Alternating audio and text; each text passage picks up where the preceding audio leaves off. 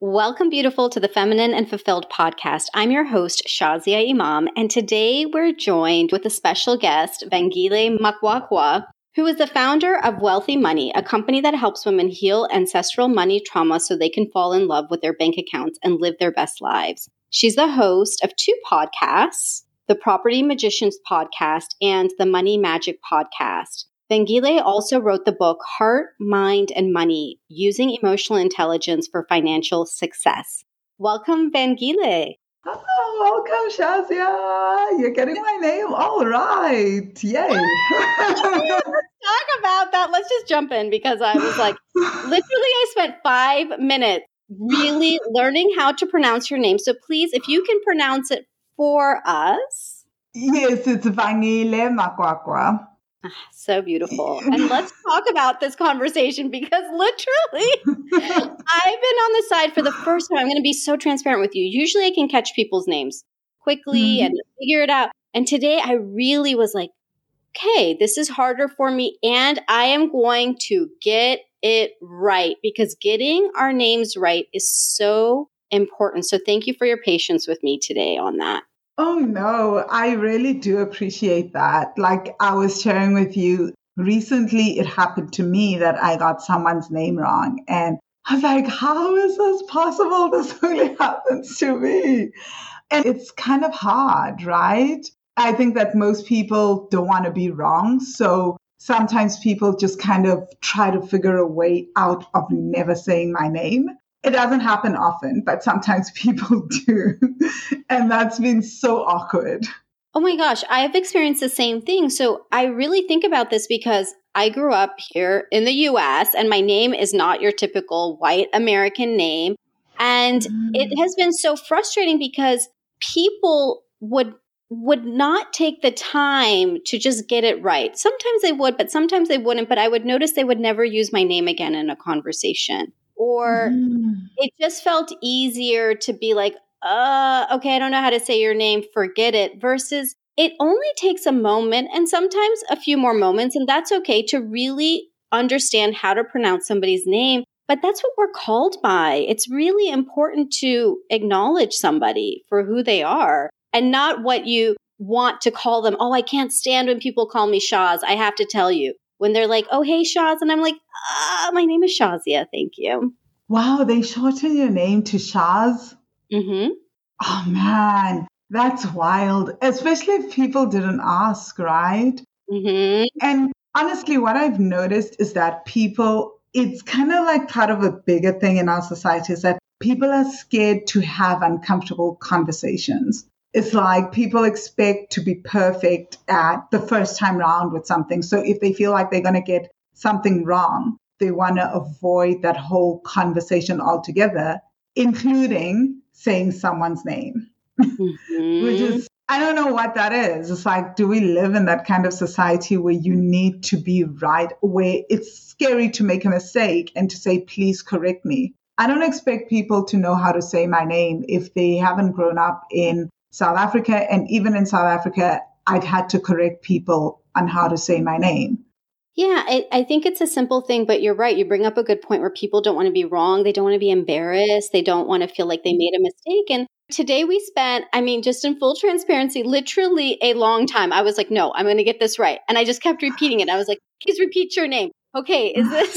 I mean, it was, and for me, I could have thought, oh, maybe this is awkward. And why do I keep asking? And let's just keep going. But I was like, no, this is yeah. you. We have to, whatever it takes, I'm going to get it. And then even if still I can't get the pronunciation perfectly because I know that the sound is very subtle. We talked about that and I'd love for you to share. At yeah. least I tried my ut best and didn't let my own feeling of comfort override your existence and who you mm, are. That is so powerful so, so powerful. You've just said something that I think is so profound, which is that I feel like our names carry so much weight and so much meaning, right? Mm-hmm. And so when people don't take the time to even learn our names, then do you truly see me? Do you mm-hmm. really see me?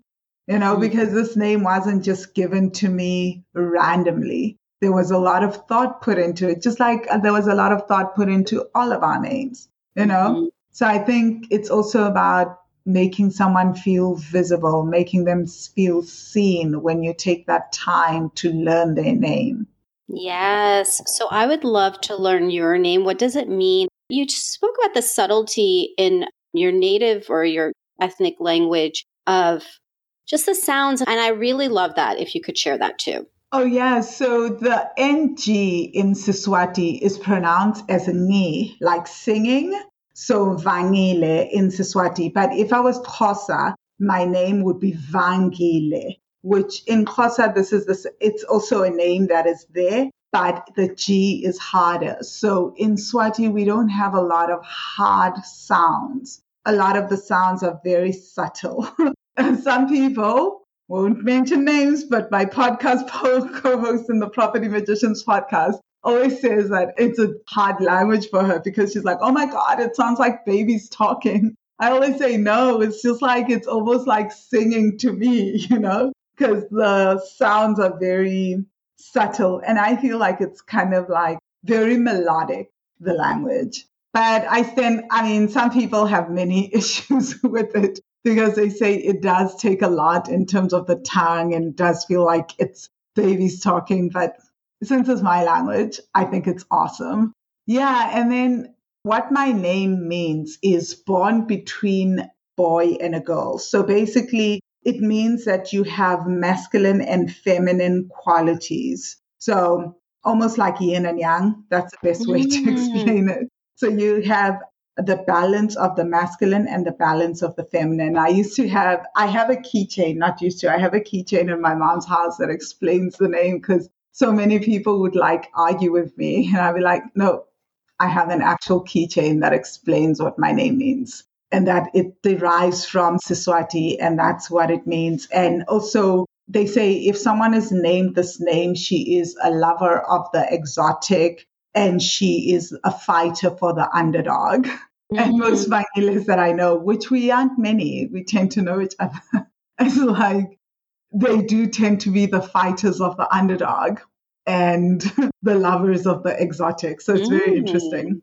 Mm. So, how have you lived up to your namesake? Well, I am a traveler, right? So it also implies that you would love traveling. And I feel like I am this balance of masculine and feminine, to be honest. I really believe that our names are affirmations, that often when people call us by those names, they keep affirming us and affirming the meanings of those names, and we take them on. So I feel like I do work definitely with the masculine and the feminine. I really struggled when this whole movement of, oh my gosh, you should only work from the feminine started to come out, right? Like feminine energy. And I've mm-hmm. always felt, and I was like, no, like I truly believe that people need to be a balance, that we work from the feminine and we work from the masculine. And I teach a lot of money stuff, right? So for me, it was always like, you should be able to just sit with what is coming up emotionally and be able to feel your emotions and surrender and flow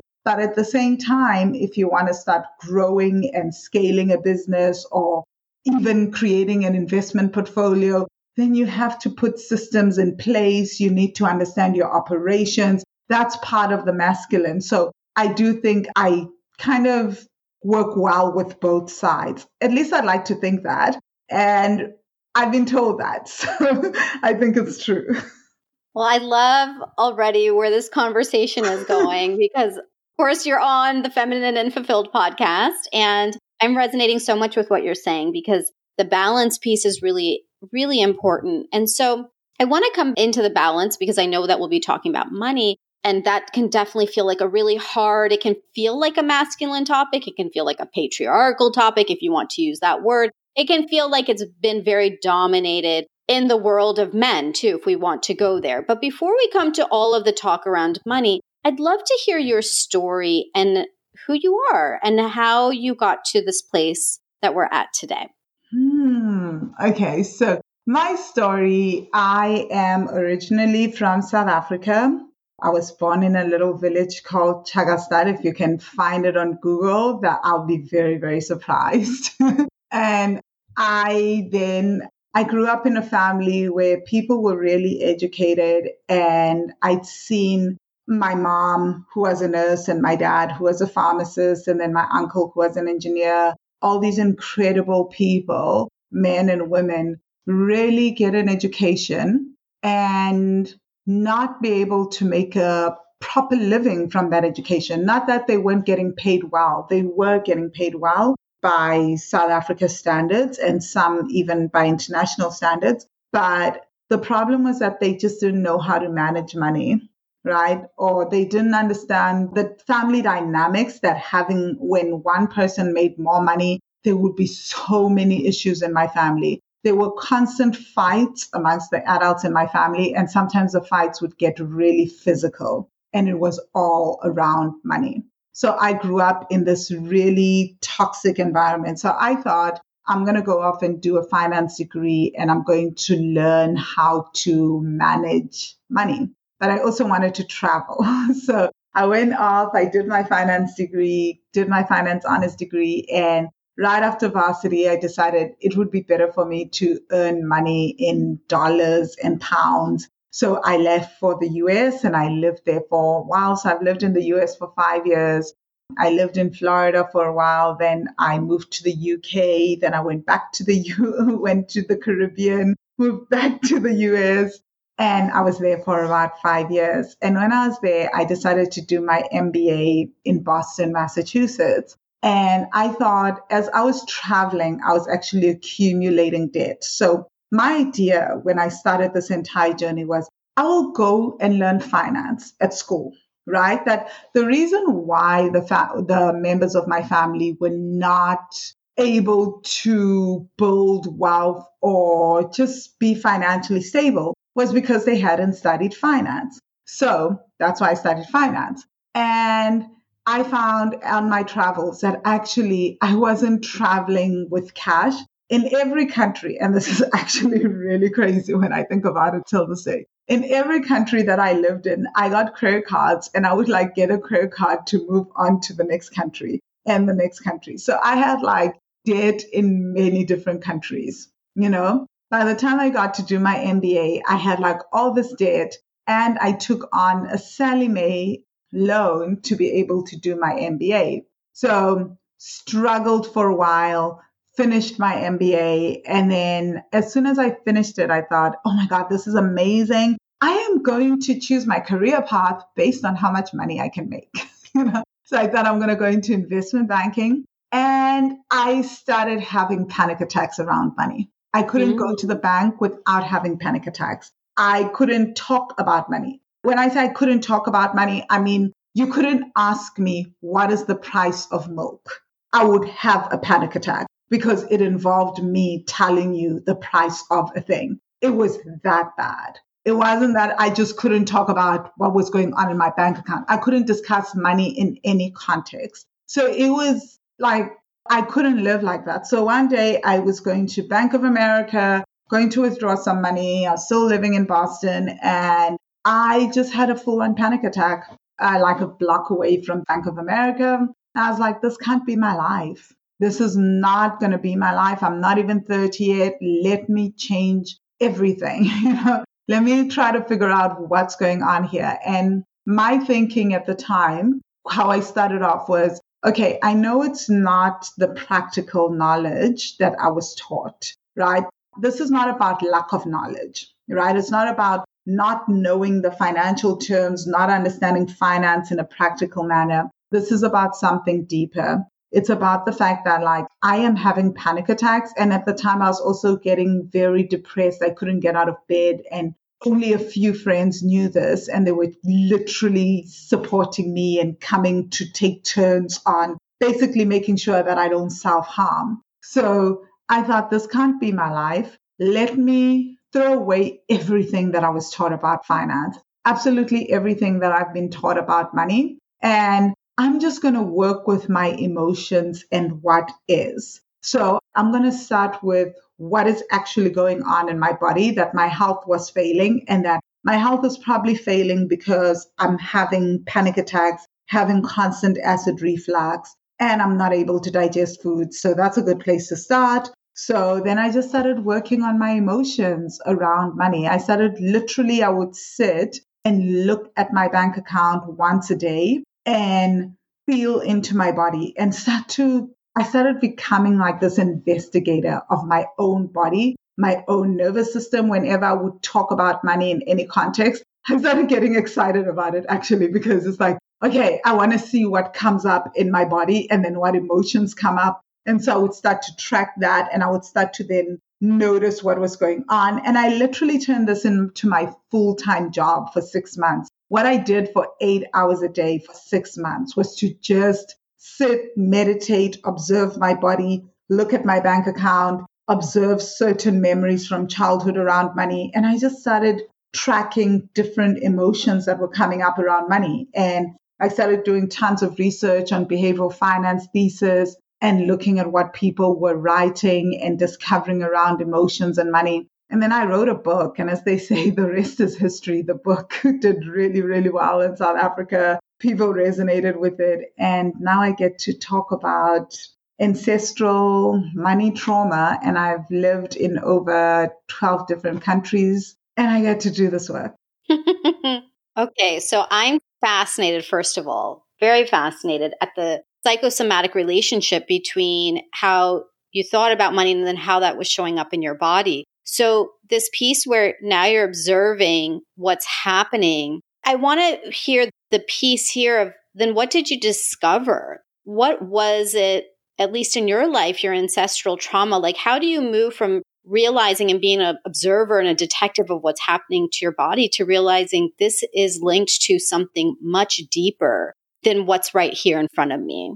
So, what had happened for me, right, was I was talking to a friend of mine and I was telling him how I was feeling about the depression and how it was linked to money. And in passing, he says to me, Well, you know, you're African, so you know that this can't be just your own stuff, right? So he's the South African guy. I was like, well, What do you mean? He was like, clearly you know that you're probably carrying your ancestral trauma and you're feeling your ancestors' emotions. And the crazy thing is, I come from a family of sangomas or shamans.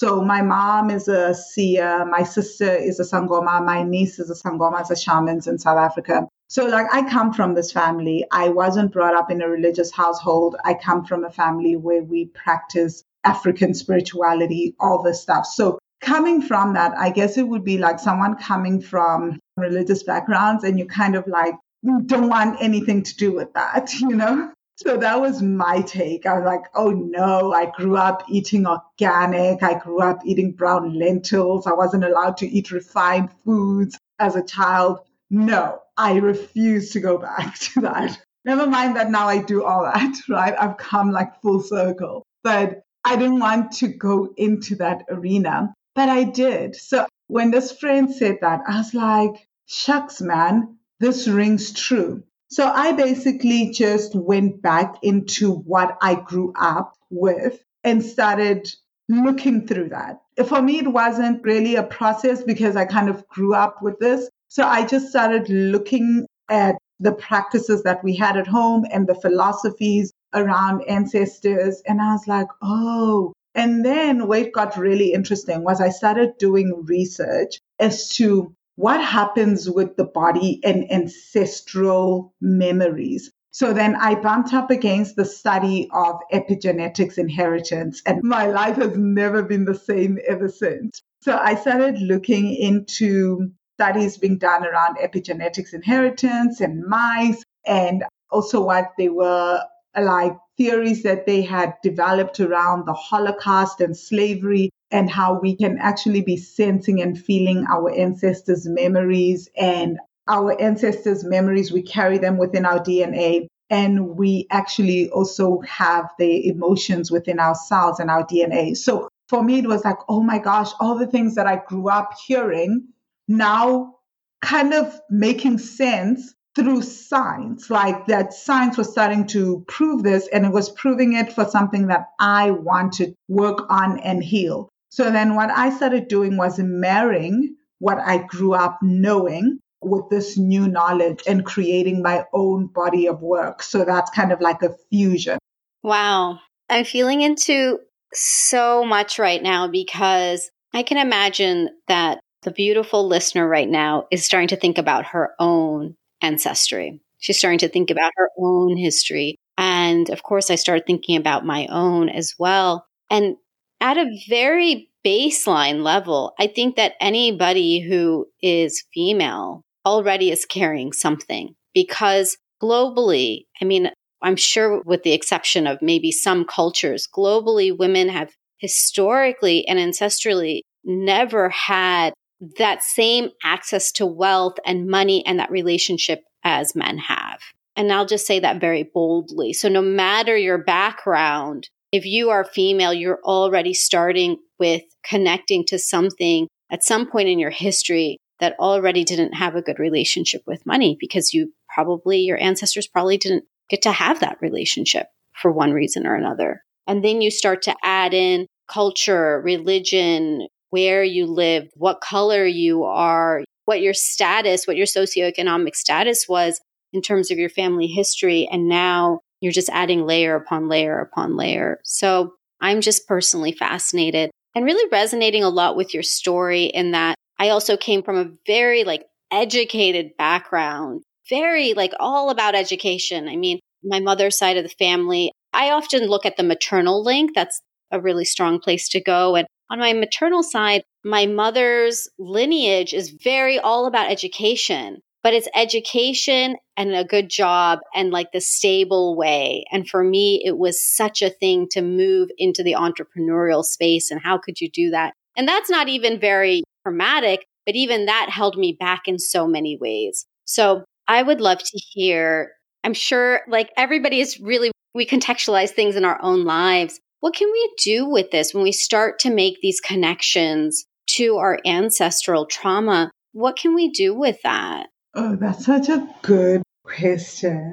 First, I just want to say, like, I completely understand what you're saying. So, my mother, just quick history so I can share how I had to basically untangle my vows of loyalty to my own mother, especially around money. My mother, when I was a child, was a pig farmer. like she, she's a trained nurse, right? She's now retired. She's a nurse and she was managing clinics in South Africa um, in our village. And she also had a boutique. She had several other businesses and she also had owned about 300 pigs and was one of the few women that I knew that was doing business with men in everything you know, was always on par. Then my uncle came back from exile because in South Africa during the apartheid years, if you were a political activist, you had to leave the country to avoid torture, detention, or being killed by the police. So my uncle at the age of 16 left for exile and went to live in Russia and East Germany. So he came back from exile. And the idea was my uncle has now lived in the West. I'm saying like West with inverted commas, right? Because he really grew up in Russia and East Germany. And then like he spent part of his years in London and Scotland. So the idea was that, oh, wow, he's gone and he's studied with the white people. You know, he's lived with them. So he knows more about money than anyone else. And my mother literally signed off all her businesses to my uncle and gave them to him. Yes, because on top of that, he's a man, but not only just any man, he's now like this man that has been educated in the West with the white folk. And literally happened. And on top of that, she and my dad signed off guardianship of me and my sister to my uncle for the same reasons. Because the belief is that he knew more than them, more than their own knowledge and ancestral knowledge around money, this knowledge that had built up the companies, this knowledge that had built up my mom's family and house and everything, where she had done so much, but she didn't see it because she was comparing it to him and the fact that he was a man and all those things. And she had never done that with any other man before. But I think all these factors came into play. So growing up then, as soon as all the assets were signed over to my uncle, that was the first time in my sister and I's life that we experienced lack. Up until then, I don't think we even knew that there was such a thing as lack because we'd always just say we want ABCD and we'd get it. right? We had never heard that there is no money because my mom had all these assets and everything. Literally, I turned 12. It's the first time I went through having no food in the house. And mind you, my uncle was an electrical engineer for one of the top government companies in South Africa. And he was making money in the top one percentile of this country. But the thing is that he was making this money, but he had no clue how to manage it. But everybody in the family believed that because he's a man and he is this man that has been educated in the West, he knows more about money than everyone else. And would you believe it that everyone in the family let him then guide the family finances? And within three years, all the assets, everybody's assets were razed to the ground. So, one of the untanglings that I had to do, it was one of these beliefs that came up for me really strongly was that as a woman and as a Black woman in particular, I could not be in charge of my own financial destiny. Why? Because I had seen this. I think my mom didn't intend for this to play out like this. But it's a belief that I remember when I started doing this work and started untangling a lot of these beliefs, I had to sit with it. So, how do you untangle a lot of ancestral beliefs that are passed on, not just from your mother, but from her mother, her grandmother, her great grandmother onto you? And often I always say this that in South Africa, a lot of our beliefs, the core wounding that we tend to have, especially as women of color, is that you are not good enough because that was written into the law in apartheid. So it was something that was constantly pushed down our throats. And then before apartheid with colonization for like four, so for 400 years, we were told we were not good enough constantly. And all the laws ensured that we believed that. And the more that you tell the people this, maybe the first 50 years they don't believe you, but keep pushing the same narrative for 350 years. At some point, they will start to believe you, even when they know their spirit knows better. But the entire system is engineered to make you believe this. So, one of my core things was to work around the not good enough wound. So, what I did was I started to develop meditations where I would call my ancestors forth. I would only call the ancestors with good intentions. This is really important because people are doing ancestral work and opening up portals. And you don't want to just open up portals for all ancestors. Just because someone is an ancestor, they have lived before. And this is really important to understand. They are not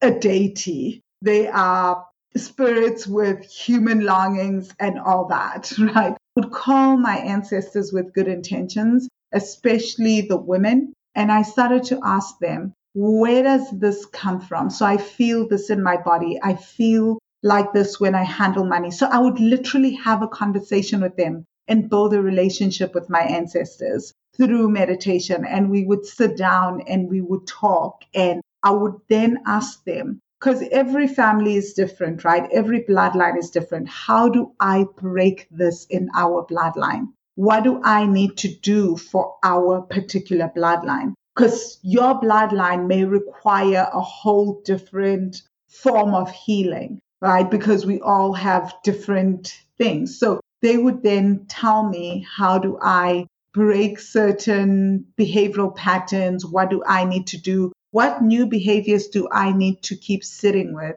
How do I question certain thoughts? And how do I sit and observe certain things? Who are the teachers I need to go looking for? Like literally, I was guided even to the point of how do you Google for the next coach that will help you to break this? So I just started working with my ancestors because my belief is some of the stuff isn't mine. So if the stuff is yours, let's figure out how to break it because I'm here to heal all that. So this is how I started shifting a lot of the ancestral behavioral patterns. And then also just working on my mother wound. Oh my goodness, this is so much around that. So much. So I'm still doing my work around the mother wound because there's also abandonment stuff, as you can imagine, like being signed. Like literally, my uncle didn't just become our guardian. My sister and I moved in with him and we had to live with him. And we went literally from following specific rules and regulations to following a whole different culture in his household. And it just was extremely traumatic. So I've had to do a lot of work on that, and so has my sister. And I call a lot on my grandmother as well. So my mom's mom and my uncle's mother, and she's held a lot of space for me. And I've also done a lot of womb work. So one of the things that I do is I get weekly kasai netsang. So uh, yoni massages like Thai, yoni, and womb massages. And I do a lot of breath work. So I developed quite a few breath work meditations to breathe into the womb. My sister does a lot of the wombs uh, circles that I lead. My sister does the drumming, the shamanic drums and she does the drumming and we go into the womb and call the ancestral the women from the paternal and the maternal side to come through and explain what's going on in our wombs and how we can heal what is going on within the womb as well. So, how do you heal whatever the womb has and is holding on to? So, there's a lot of breathing, there's a lot of calling on the ancestors, there's a lot of just sitting with it, crying it out, breathing it out, moving it out, all that. Yeah. Oh my goodness. Whew. Of course, like I said earlier, I'm contextualizing it to myself. I'm like, oh my gosh, what would my womb say? What is there? Oh my God. I did an entire episode, not this deep. I mean, I'm learning so much from you, but I did an episode called Four Forefathers where I actually talked about my four mothers and the wound I broke in my family, I committed to ending is a cycle of pain. That is a very core ancestral trauma. I mean, for anybody who listens to that episode, you'll hear everything. But it is so deep what you are going into around what we are carrying that we don't even know that we are carrying. Yes. Yes. Yep. A lot of my work I always say that I can't talk about trauma without talking about the patriarchy, without looking at how patriarchy has impacted how we show up as women and has impacted the trauma that we carry within our bodies, how we relationship with trauma stored in our bodies. And also just for me in particular, being South African, also how racism has played such a huge role in how I show up in this body and how safe I feel in this body, how safe I feel just being out in the world and how that then plays out in terms of my nervous system and how I then show up in business and financially. So, how do you show up and what have been? I don't want to use the word limitations because it's not a limitation, but it's carrying, like you said, these pieces. How have you been able to show up given these things? I'm just going to call them things. We don't have to find the perfect word. We know what we're talking about. Yes. How have you? wow. Okay. So I think it first hurt. Like I would say, just in romantic relationships, I used to show up defensive. Everything would hurt me. So someone says something and I'm super defensive and I was hurt. So it was almost like everything that happens in the world rubs me the wrong way. So that's how I used to show up. I can say that has changed dramatically. I used to be very hurt, angry, all these things. And I think what I've noticed over time is that I also am calmer.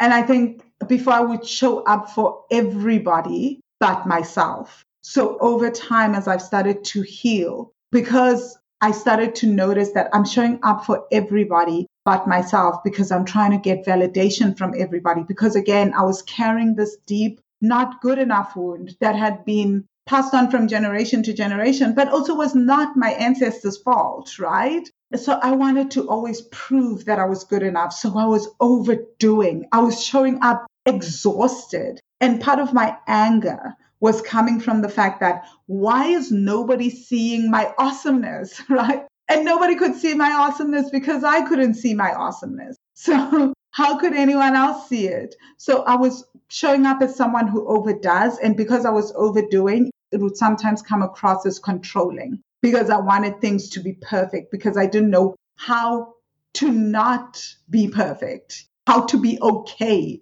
with life as is, how to be okay with the present. I didn't know how to do that because I needed to be seen as perfect because to me, perfect meant good enough.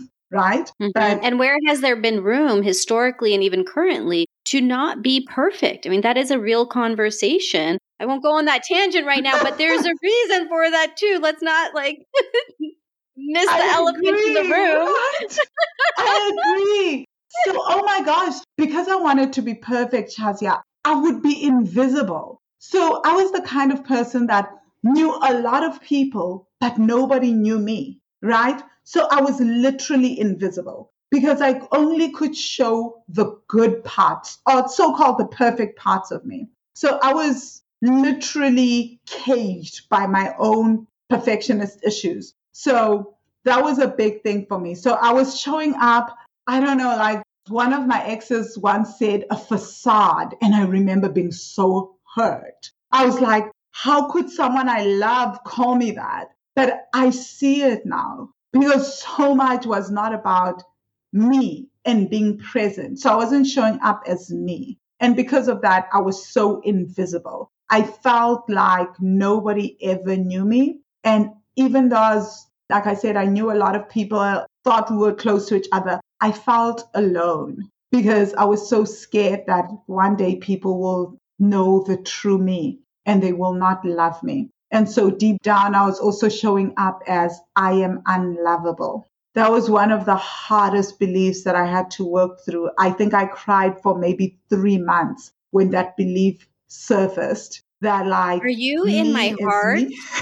are you in my heart? That is literally my deep belief. When I work through something, it is exactly what you just said that if somebody really knew me, they would not love me yeah. because I am unlovable.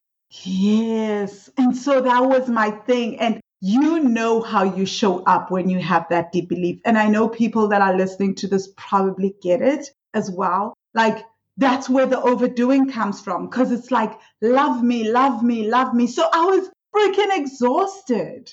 In my business, I was overworking and overdoing. Literally, I was like, I have to do everything just perfectly. If a full stop is out of place, I can't allow myself to breathe. And so I would block so much good stuff in my life, in relationships, in travel, etc., because things were just not perfect. And if they weren't perfect, I would be unlovable. And thus I could not love anything that was imperfect. And ironically, I realized, I think about four years ago or something, that when I was showing up like that, I also required perfection of everyone around me. So I couldn't fully love people unless they were fully perfect. So being in a relationship with me in any way, I keep thinking must have been one of the most high intensity, high pressure experiences for any human being at the time. I have no words right now. Please just continue. I'm just like taking it all in. I'm like, please, please keep going because I'm like, yes. Yeah. So I remember having this, you know, like when you realize and you look back and you're like, I remember thinking about this of one of my exes. I was like, oh my gosh, I used to think it was hell for me being in that relationship. But I could see, like once I started my healing journey, like I went in, like one day I was in meditation and I could see all the ways that I nitpicked and all the ways that I was just demanding perfection. And I was like, oh my gosh, I literally turned this free, loving human being into someone who walks on eggshells because I couldn't accept for the world to see me as anything but put together. And of course, now when a lot of people are like, no, you're joking. You couldn't have been that person. I'm like, but this is what healing looks like. Once you start healing that wound, you don't care how you show up. You're just like, everything is cool, whatever. Like if I'm going to do a live with my hair looking all disheveled or I'm just like, sometimes I'm like, I'm in a swimsuit in some random country and something comes up for me and I do a live. I don't need to be picture perfect. And yet it has completely changed my life. And what I noticed is that it's given people space to breathe around me, to really be free around me. Because when I wasn't free with myself, I demanded that same kind of restriction out of everybody else. So people didn't know how to be free in my space. And once I gave myself that freedom, my life changed. I was like, I get to be free, and everybody else that's in my space gets to say, do, be whatever and whoever they want to be. And I think that for me has been the biggest shift. So, yeah, how I showed up and how I'm showing up now is so, so different. I mean, even now, right? Like I share my entire life story. Remember when we started, you said, is anything off the table mm. to discuss? I was like, nothing is off the table. And that's how I feel now. It's like everything is up for discussion with me. I feel like there's no point mm. in trying to mm. hide anymore. Okay, so Vangile, please tell us. I know somebody is asking this question, that person being me. and I know somebody is asking this question right now. How do you move from that place of perfectionism to this place that you're in now? And my specific question, if I was to ask you this question, mine is much more subtle. I've done like the facade, I had that on lock. I had the mask on lock. I had that on lock. I've removed it. I'm there. But you know what? When you're still sharing that now, I resonate. I still see in the subtle, nuanced ways that it still shows up in my life that doesn't allow me to completely exhale. So whether it is like somebody has a full mask on or my beautiful listener who I know she may or may not, she probably doesn't, but still has this element, what can we do to move into complete free fall, exhale, just like letting go? I think you need to surrender to the fact that not everyone is going to like you. So I have meditations on this, but also I think that the easiest things that often help shift people that I usually give to people is journal prompts. I've got two journal prompts. What if you accepted that not everyone is going to like you?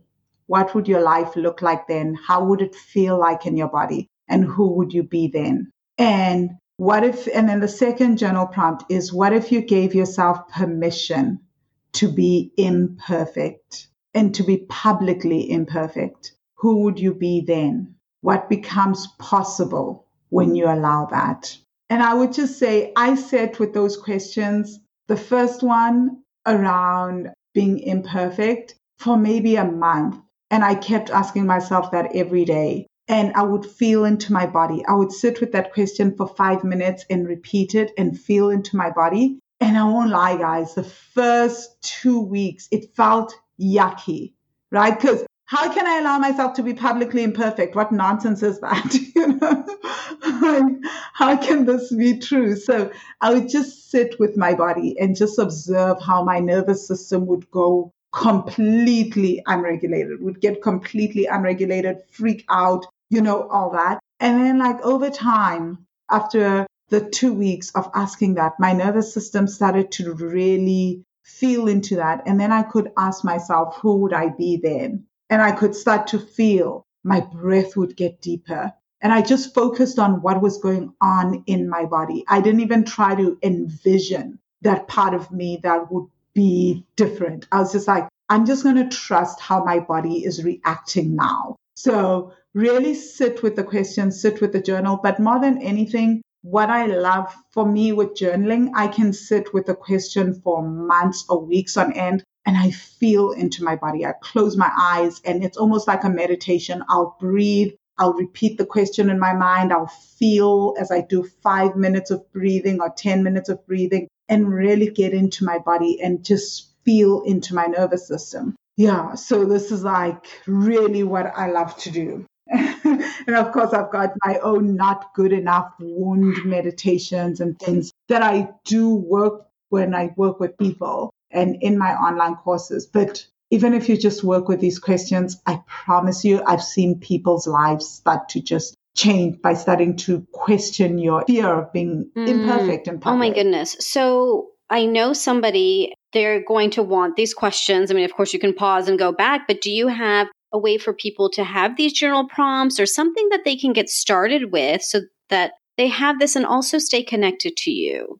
So I think the best place, because a lot of my stuff is really linked to money and trauma. For people that are interested in digging deeper, into money trauma and ancestral money wisdom, I do have a free seven day course, which is a seven day tapping into ancestral money wisdom course. They can get it at wealthy-money.com forward slash training. Again, wealthy-money.com forward slash training. And then all the stuff that I've been talking about, I talk a lot about this on my blog. I've got over 250 blog articles just looking at money and trauma in the body, the nervous system, look, talking about ancestral history, talking about my family stories around money. And you can find all that on the Wealthy Money blog at wealthy-money.com forward slash blog. Again, wealthy-money.com forward slash blog.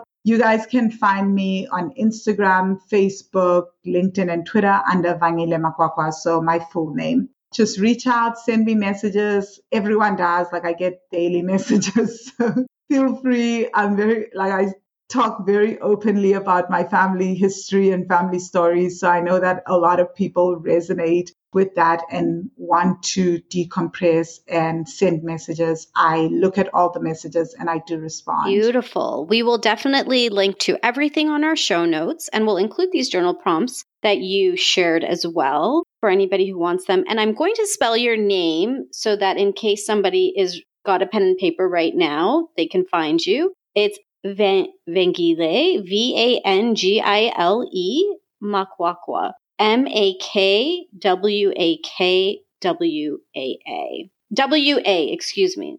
M A K W A K W A. Well, thank you so much. Thank you so, so much. Oh my gosh, I am just blown away today. I was like feeling so many emotions. My body's feeling it, my heart. I mean, all of it. Thank you so much. And are there any final parting words of wisdom that you would like to share? Oh, I just want to say thank you so much, Shazia. I really appreciate this. This was amazing. And thank you so much to everyone who listened in. And my parting words of wisdom is just the magic really is in the healing. That's literally my company's tagline is heal for the sake of healing and everything else starts to fall into place. That's where the magic really starts to happen. Thank you so much. Oh, and one last thing before I forget, I wanted to give you a really special gift because how could I not? I actually have a list of my favorite things that make me feel feminine and fulfilled. And I would love for you to have it so that you can grab whatever you want from the list. So if you want to see my list of my favorite things, go to thelifeengineer.com slash favorite. And it is a full list of all of the things that I love and all the links for you to grab them. So that's thelifeengineer.com slash favorite. And I just had to give you a gift, beautiful, because you deserve a fabulous gift. And why not all of the most favorite things to make you feel feminine and fulfilled? Okay. Love you.